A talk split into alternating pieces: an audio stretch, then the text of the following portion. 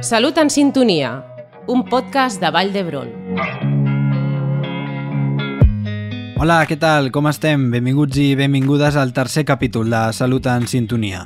Avui parlarem sobre l'anèmia, que és la manifestació d'un trastorn en el qual es produeix una reducció de la quantitat de glòbuls vermells en sang. Es pot produir per pèrdua d'aquests o per disminució de la seva producció al moll de l'os, o per diferents motius. El més freqüent és el dèficit de ferro necessari per produir l'hemoglobina, que és la proteïna rica en ferro que dona a la sang el seu color vermell.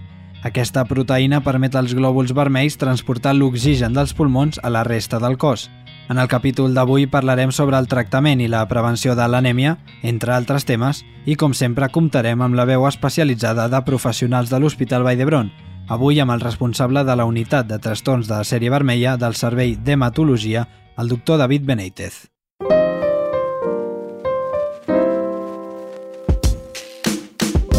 Doncs per situar-nos, què has de tenir en compte si tens anèmia? L'organisme dels pacients amb anèmia no rep prou sang rica en oxigen. Com a resultat, apareixen símptomes com la sensació de cansament o de debilitat, així com mareig o mal de cap, entre d'altres. Si no es tracta, l'anèmia greu o prolongada pot causar lesions al cor, al cervell i a altres òrgans del cos, el doctor David Benítez de l'hospital ens comenta la causa principal de l'anèmia.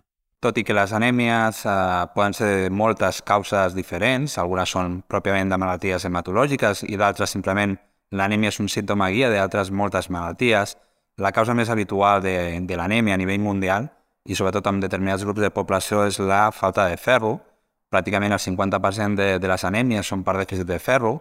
Moltes vegades són relacionades amb males ingestes, problemes d'absorció dels aliments, intoleràncies, i també hi ha altres tipus d'anèmies per a eh, altres eh, dèficits de vitamines, i aquestes són les més freqüents. Després n'hi ha altres tipus d'anèmies, que són menys freqüents, o que estan relacionades amb altres malalties i que el metge haurà d'enviar al seu especialista en concret. Recorda, per tant, que l'anèmia pot ser un símptoma d'una malaltia encara més greu.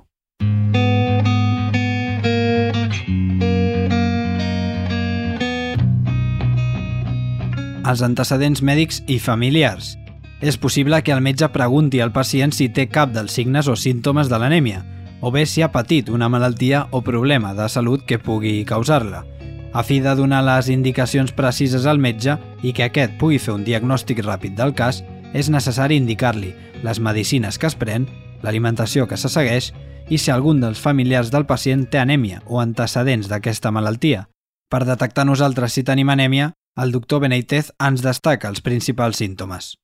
Solen ser la falta d'aire, eh, cansanci, irritabilitat, eh, inclús dificultat per, per la son, eh, i moltes ocasions la familiars o coneguts poden reconèixer un grau de palidesa eh, que fan que s'hagi de, de determinar si pot ser una, una anèmia el que ho està produint. Així doncs, si tens algun d'aquests símptomes, seria convenient acudir al metge especialista en hematologia. El tractament de l'anèmia depèn del tipus, la causa i la gravetat de la malaltia, però poden consistir en canvis en l'alimentació, prendre suplements nutricionals, tractament farmacològic, intervencions quirúrgiques o transfusions de sang. L'objectiu del tractament de l'anèmia és augmentar la quantitat d'oxigen que la sang pot transportar. Aquest increment s'aconsegueix fent créixer la xifra de glòbuls vermells o la concentració d'hemoglobina, que, com ja hem comentat, és la proteïna dels glòbuls vermells rica en ferro i que transporta aquest oxigen. Un altre propòsit és tractar la malaltia de fons o la causa de l'anèmia. S'ha de fer una correcta alimentació, amb especial atenció a aliments rics en ferro, vitamina B12 i àcid fòlic. A vegades pot ser necessària la transfusió de sang, com hem mencionat, però ha de ser valorada pel metge. Seguim amb els coneixements del doctor David Benítez, el qual ens explica com diagnosticar l'anèmia. Consisteix en fer una extracció de sang i poder veure totes les cèl·lules eh, de la mèdula òssea, és a dir, de la fàbrica de la sang. En el cas de l'anèmia, el que podrem veure és una disminució dels glòbuls vermells, el qual ens indica que tenim una anèmia. Després, aquesta analítica habitualment es sol sol·licitar un estudi de ferro i altres vitamines que són les causes més freqüents d'anèmia a nivell mundial. L'analítica, per tant, és l'eina de diagnòstic de l'anèmia, ja que, com bé portem detallant en el capítol d'avui, afecta el nivell dels glòbuls vermells de la sang.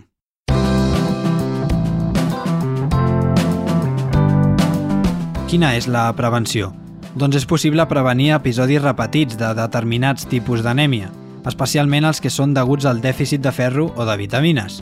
Si es fan canvis en l'alimentació o es prenen suplements recomanats pel metge, es pot evitar que aquests tipus d'anèmia tornin a aparèixer. El tractament de la causa pot prevenir l'anèmia o evitar que es repeteixi. Per exemple, si un medicament està causant anèmia al pacient, el metge pot receptar-li un altre tipus de medicina. Per evitar que l'anèmia empitjori, és necessari que els pacients expliquin amb detall al metge tots els seus signes i símptomes. També es recomana preguntar quines proves s'han de fer i complir el pla del tractament. Amb les anèmies hereditàries com l'anèmia de cèl·lules falciformes o les talasèmies, cal que els pacients consultin el seu metge sobre el tractament i l'atenció contínua que necessiten. Finalitzant les aportacions d'avui del doctor David Benítez, ens detalla a quines persones hem de vigilar més.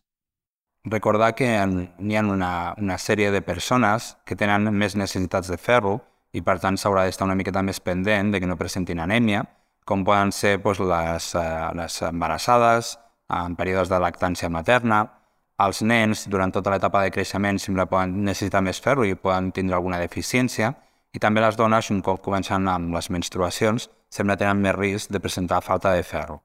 És molt important poder acudir a un especialista per tal que el pacient pugui rebre suplements nutricionals o medicaments per tractar l'anèmia, sobretot en aquest grup de persones de més risc. Les idees clau d'avui, en un minut.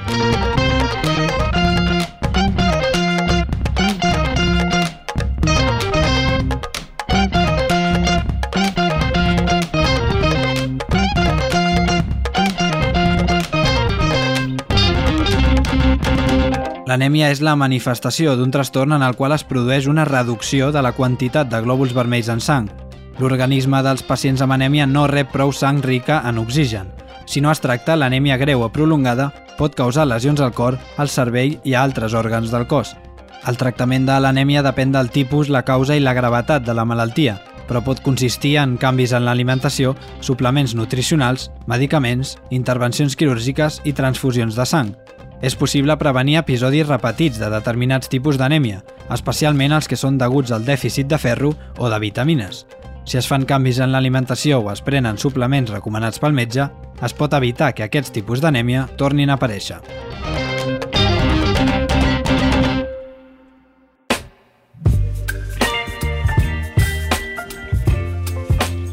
Fins aquí el tercer capítol de Salut en Sintonia sobre l'anèmia.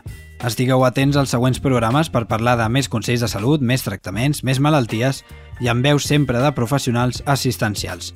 Gràcies per l'atenció i la confiança. Ens escoltem en el següent programa. Fins aviat. Cuideu-vos.